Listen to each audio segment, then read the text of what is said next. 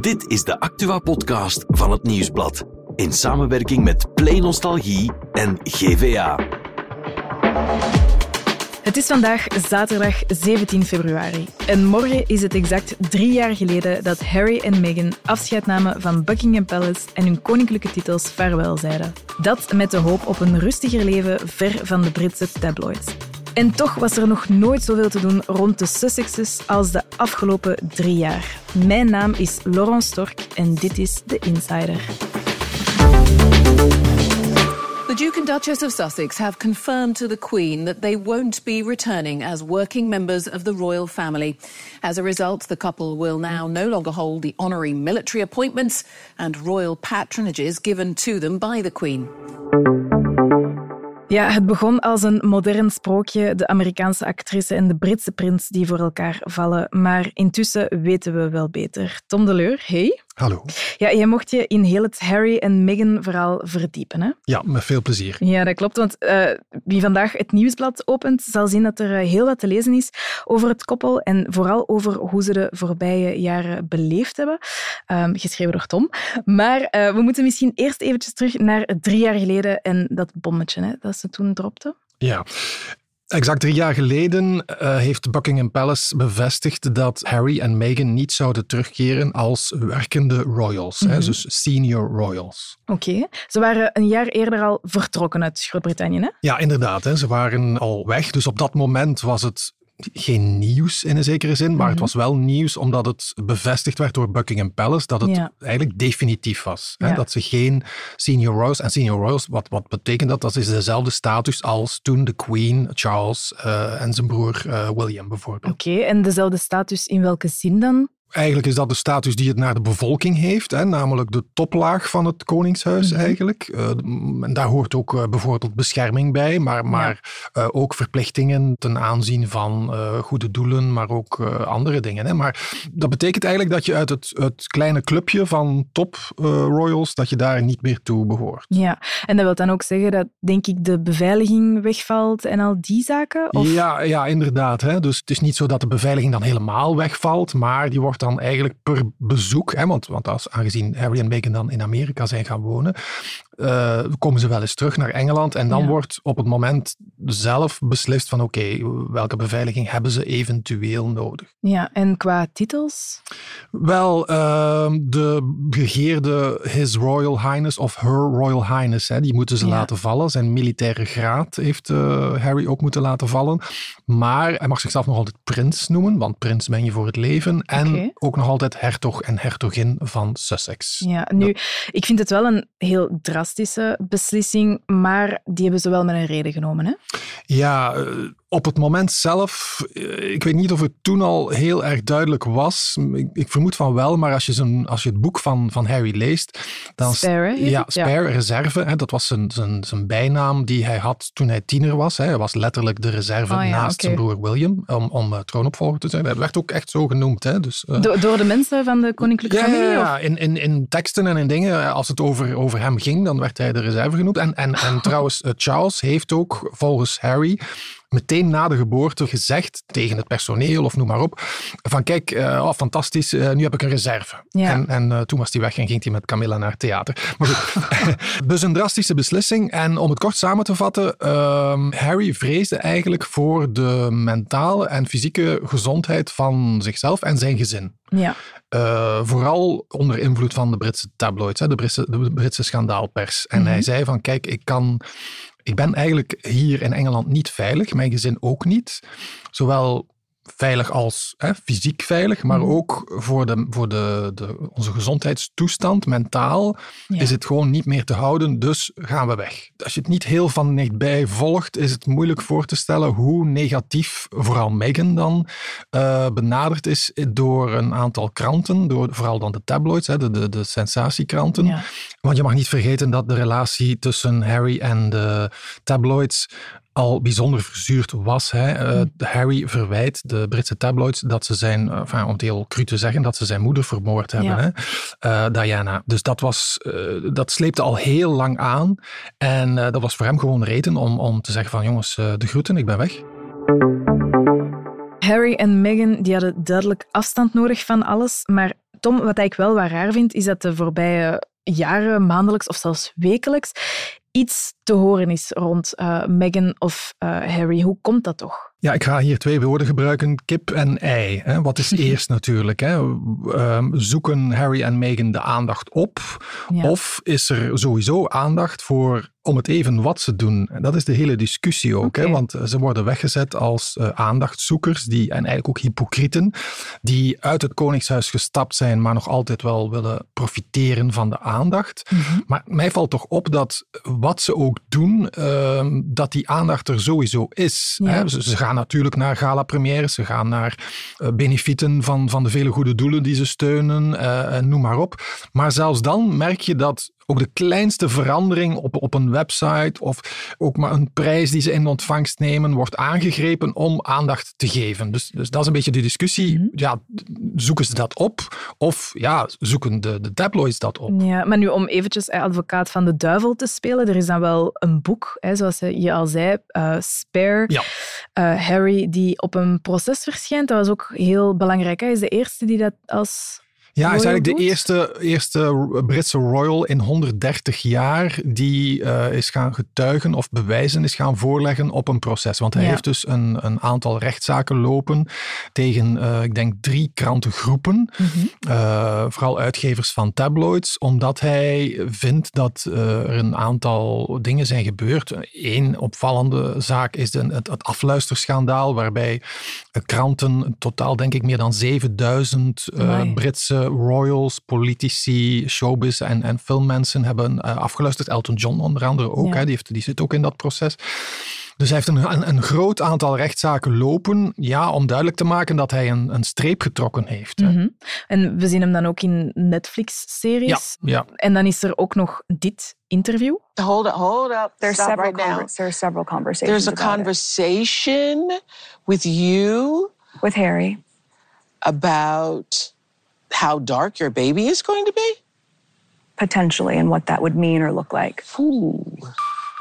Dat is een interview van maart 2021 met Oprah. Weer eens waren ze op tv te zien. Nu, dat was wel een, een fameus interview hè, toen. Ja, dat heeft uh, Buckingham Palace wel op zijn grondvesten doen daveren. maar vooral omdat Meghan daar zei dat men aan Buckingham Palace uh, zich vragen stelde en zich zorgen maakten over welke huidskleur haar eerstgeborene zou hebben. Hè. Ze, heeft, ja. ze, ze, ze, was op dat moment, tijdens dat interview ook, zwanger van haar eerste kind, uh, Archie. Mm -hmm. En men, op dat moment was niet duidelijk wie die men dan was. Hè. Werd dan meteen in de Britse pers werd dat de Royal Racist genoemd. Uh, ja, op dat moment was niet duidelijk wie dat was. Maar Meghan zei dus wel dat men zich zorgen maakte over de huidskleur. Meghan is, is, heeft een Afro-Amerikaanse moeder. Dus welke huidskleur Archie zou hebben. Ja, dat is natuurlijk je, je, je, moet je dat voorstellen, in Engeland, dat was een totale schok. Ja. Hè, ook. Uh, ze, ze, heeft daar trouwens ook gezegd dat haar de mond is gesnoerd door Buckingham Palace toen ze uh, voor het eerst kennis maakte met de, de persmensen daar aan het, aan, het, aan het hof. Die hebben haar gezegd van, kijk, als je vragen krijgt over je relatie, geef je geen commentaar. Hè. Dus mm. ze zegt dat ze daar ook het zwijgen is opgelegd. Dus dat zijn toch wel allemaal zware dingen die meteen in de tabloids zijn geraakt ook. Nu, zij weten dat toch, Harry en Meghan, als ze zo'n dingen doen, interviews, boeken, series, dat het gezien gaat worden. Ja, die deals, de, het, is een, het was een deal van vijf jaar met Netflix, hè, die in 2025 afloopt. Had ook een deal met Spotify om, om podcasts te maken. Die boekdeal van, van Harry, uh, dat was een, een deal voor vier, uh, vier boeken. Dat is natuurlijk, die, die, die hebben ze nodig om, ja, om te eten. Heel eenvoudigweg. Hè? Ze, ze, ze, krijgen geen dotatie meer, geen overheidsgeld. Ja, dan moet het ergens vandaan komen. Enfin, ik, ik, ik vind niks te min, maar je kunt toch moeilijk verwachten dat ze in de fabriek gaan werken. Hè? Mm -hmm. dus, maar dat wordt hen natuurlijk ook wel aangevreven, namelijk dat ze hun eerste productie van Netflix was uh, de docureeks Harry en Meghan, waarin hun leven uit de doeken werd gedaan. Ja. En waar je wel inderdaad een aantal vraagtekens bij kunt zetten van, god, moet dat allemaal? En zij zeggen ook van, het is genoeg geweest, wij Uh, want dat hebben ze eigenlijk, in de, dat heeft Harry eigenlijk nooit kunnen doen op het moment dat hij nog een senior royal was. Namelijk spreken, want je moet je mond houden. Hè. Je kunt niet heel de vuile was, eh, enfin, dan gaat het nog niet eens over vuile was, maar gewoon de was, buiten hangen. En dat heeft hij nu aangegrepen om te zeggen van, kijk, nu zal ik eens zeggen hoe het gegaan Ja. is. En dat doet hij ook in dat boek, hè, Reserve. Daar, daar, ja, daar, daar, daar vertelt hij heel veel van dingen die, die, waar ze waarschijnlijk bij Buckingham Palace eh, voor zich rood van geschrokken hebben. Hè. Namelijk hoe hij daar totaal in de, eh, voor de bus gegooid is door zijn vader en door zijn broer als het gaat om de, de aanvallen op Meghan. Hè. Buckingham Palace heeft geweigerd om, hem- om hem daarin te steunen en daar ook een streep te trekken. Dat verwijt hij zijn vader en zijn broer enorm. Yeah, well, I guess, and also thank you for asking, because not many people have asked if I'm okay, but it's um, it's a very real thing to be going through behind the scenes. And the answer is would it be fair to say not really? Okay. As in, it's really been a struggle. Yes. Het zijn al hele heftige jaren geweest. Meghan zegt het zelf ook, hè. Not okay, blijkbaar. Ja, inderdaad. En dat is eh, niet. Enfin, het is natuurlijk wat ze zelf beweren, maar ze zou ook op een bepaald moment zou de haat zo intens zijn geweest dat ze uit het leven heeft, heeft willen stappen. Mhm. Hè, Ja. dat, dat heeft Harry ook bevestigd in zijn boek. En je kunt dan bijvoorbeeld advocaat van de duivel spelen en zeggen van ja, maar is dat allemaal niet een beetje overdreven? Maar als je het allemaal oplijst, een Brits blad heeft dat op een bepaald moment is gedaan, een lijstje van 30 dingen die de tabloids Meghan aanwreven. En dat ging dan over het feit dat ze te vaak over haar buik wreef toen ze zwanger was. Hè, omdat ze daarmee maar ook over de kleur van haar nagellak. Haar trouwjurk eh, paste niet goed genoeg. Ze deed zelf een deur dicht van de auto, terwijl een, een chauffeur of een lijfwacht dat had Goh. moeten doen. En als klap op de vuurpijl, nadat ze was eh, gaan ontbijten in Londen met een goede vriend van haar. En was, eh, die goede vriend had iets op sociale media gezet over het feit dat ze zo van avocado houdt. Had een, de Britse krant Daily Mail een, een artikel geschreven waarin ze zich afvroegen of ehm, Meghan met haar fascinatie voor avocado's niet verantwoordelijk is voor droogte en moord, hè, omwille van de intensieve teelt van die avocado's enzovoort. Ja. Dus ja, dat gaat toch wel behoorlijk ver, denk je dan. Hè? Want dat heeft dan eigenlijk niks meer met een kritische houding te maken. Hè? Het is alles wat dat ze doet, is, is eigenlijk slecht. Ja, hè, komt ze ergens opdagen, dan steelt ze de aandacht. Vergezelt ze Harry dan weer niet, dan eh, wordt dat ook aangevreven. Dan zeggen ze van waarom is ze er niet bij? Dus ja, je kunt eh, toch een beetje de indruk dat ze, dat ze dan nooit goed kan doen. En hebben we dat in het verleden al gezien? Want ik herinner mij, ik heb bijvoorbeeld naar The Crown gekeken. En eh, Mhm. daarin zie je ook hoe dat ze met Camilla omgaan. En dat was ook wel intens. Is dit van een andere orde of is het hetzelfde? Ja, Harry verwijst in zijn boek naar een onderzoek dat ze gedaan hebben naar de haatberichten die online zijn verschenen over Meghan. En Mhm. ze hebben die eens vergeleken met eh, enfin, Camilla, spreken we natuurlijk over iets langer geleden. En toen was so- sociale media waren toch niet zo ontwikkeld. Maar ze hebben wel gezegd dat eh, Kate en zeker en ook Camilla in, in de verste verte niet de haat hebben gekregen die Meghan eh, heeft gekregen. Dat is echt Ja. werkelijk, die, die, die verhouding is, is totaal, totaal anders. Ja, je liet de naam van Kate vallen. Ja. Ik vind dat altijd heel opmerkelijk. Ik schrijf ook zelf soms voor de krant. Mhm. En dan moet ik eh, die verhaaltjes ook wel af en toe maken. En ik vind het zot als ik dan lees de, de stukken die gemaakt worden over eh, iemand als Meghan versus iemand als Kate. Er is geen groter verschil. Hè. Alles wat dat Kate doet is goed. Ze Ja. kan maar ademen en ze is, uh, ze wordt de hemel ingeprezen. Hè? Ja, dat viel me heel hard op toen ik een paar weken geleden eh, een artikel schreef over. Er was net bekendgemaakt dat Kate een buikoperatie had ondergaan. Daar werd Mhm. eigenlijk niet in detail getreden. En ik probeerde de vraag te beantwoorden in dat artikel: hoe komt dat eigenlijk dat men ja, daar niet in gaat spitten hè, in Ja. die operatie? Wat is daar precies gebeurd? Hoe ernstig was dat? Wat voor soort eh, operatie was dat? Ik moet zeggen, de artikels in de tabloids, maar ook eigenlijk in de, in de ernstigere Britse kranten, het, het ging echt om een totale heiligverklaring van Kate. Ja. Met name, ze zal zo gemist worden tijdens haar afwezigheid en, en, en het is een voorbeeld voor alle vrouwen en je zou haar veel jonger schatten, want ze gaat ook elke dag joggen en ze is een toonbeeld van, van, van fitheid en doortastendheid enzovoort. En in één adem slaagden de tabloids er toch nog eens in in om Meghan er nog eens van langs te geven. Is dat, toch maar iets gedaan, waarschijnlijk. Ja, dat, dat, dat contrast. En ik denk ook dat het een beetje komt door het feit dat eh, elke koninklijke familie heeft een zwart schaap nodig. Hè? Oppassen met, de, met het woord zwart in deze, omdat omwille van de huidskleur van, van Meghan, maar het, is, het, is, het, is, het klopt wel. Wij hebben prins Laurent. Zij hebben natuurlijk ook wel Andrew, die heeft er natuurlijk eh, helemaal naast gefietst, maar... Ja, met Andrew kunnen ze eigenlijk niet meer zoveel. Dus hebben ze voor Meghan gekozen als, eh, als pispaal. Je sprak al over het zwarte schaap en je zei zelf, eh, zwart vanwege de huidskleur. We weten dat dat een probleem vormt, ook vanuit het eh, Oprah-interview. Maar die haat naar Meghan toe, komt het enkel van wie dat ze is of van waar komt die dan, die haat? Ik stel alleen maar vast dat die haat er onmiddellijk was. Ja. Het moment dat eh, Meghan aan Harry werd gekoppeld, werd er gezegd: oei, ze is niet Brits. Oei, ze is niet wit. Oei, eh, ze komt dan nog uit, uit Hollywood ook nog eens. Oei, ze is dit. Oei, ze is dat. Ehm, ik, ik denk dat er toch een zeker racisme, maar dan in de breedste zin van het woord. We we denken altijd aan huidskleur, maar, maar gewoon in de breedste zin, als in ze is niet van ons. Ja. Ze is niet Brits. Maar natuurlijk, het, het, het werd alleen maar erger op het moment dat ze beslist hebben van jongens, uh, toedeloe, we gaan naar, eh, eerst naar Canada en dan naar, eh, nu wonen in eh, Amerika, in Montecito, eh, prachtige plek in Californië.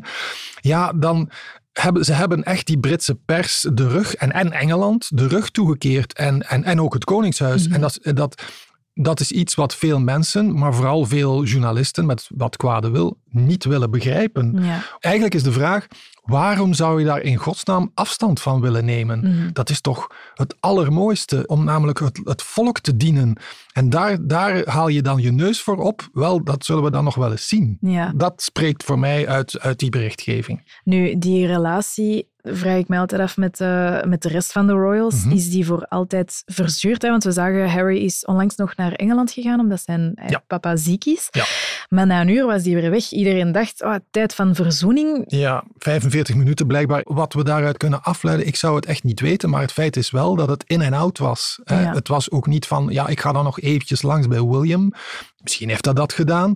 Maar die hebben ook gewoon een keiharde ruzie. Mhm. En Ja. dus, ja, als je me vraagt van zie je dat nog goed komen? Ja, wie ben ik natuurlijk om dat te voorspellen? Maar er zijn in dat, vooral bijvoorbeeld in dat boek van Harry, zijn zo'n harde woorden gevallen naar zijn vader en naar zijn broer. Hè? Nu ja, Tom, al die ruzies, dat is allemaal goed en wel, maar gaat er niet een dag komen dat ze de spare nodig gaan hebben? Ja, dat is de dag dat eh, bekend werd gemaakt dat Charles een kleine ingreep zou ondergaan wegens een, een vergrote prostaat en dat Kate was geopereerd aan de buik, werd toen al gezegd, eh, oei, de, de spoeling wordt nu wel heel erg dun, Ja. hè, want de Queen is er niet meer. Hè. Je vergelijkt met een auto, hè. De, de Queen, de Queen was een motor. Ja. Enfin, enfin, nu zit er een nieuwe motor in, Charles. Hè, maar ondertussen draaien er wel wat wielen af ook. Hè. Andrew kun je niet meer op rekenen, die is buitenspel. En die, die doet het nog altijd heel goed, die doet wat ze moet doen. Maar dan, ja, dan zit je er wel een beetje door. En Ja. je hebt natuurlijk wel eh, heel wat ja, verplichtingen die moeten worden nagekomen. Dat is wel, de familie is niet echt heel groot, dus ik kan me wel inbeelden ja, dat er toch op zijn minst de vraag gesteld wordt van moeten we Harry niet eh, ja, wat meer erbij betrekken weer. Maar enfin, ik zie dat voorlopig niet gebeuren. Het hangt er allemaal een beetje vanaf van hoe lang Charles het nog uitzinkt natuurlijk. Hè? Ja. Dankjewel, Tom. Voor wie trouwens niet genoeg krijgt van Harry en Meghan, er staat een groot stuk vandaag in het nieuwsblad en anders eh, het boek hè, van eh, Harry. En ehm, maandag zijn we er trouwens weer met een nieuwe Insider. Wie met vragen zit over zelfdoding kan terecht bij de zelfmoordlijn op het gratis nummer 1813 en op de website www.zelfmoord1813.be.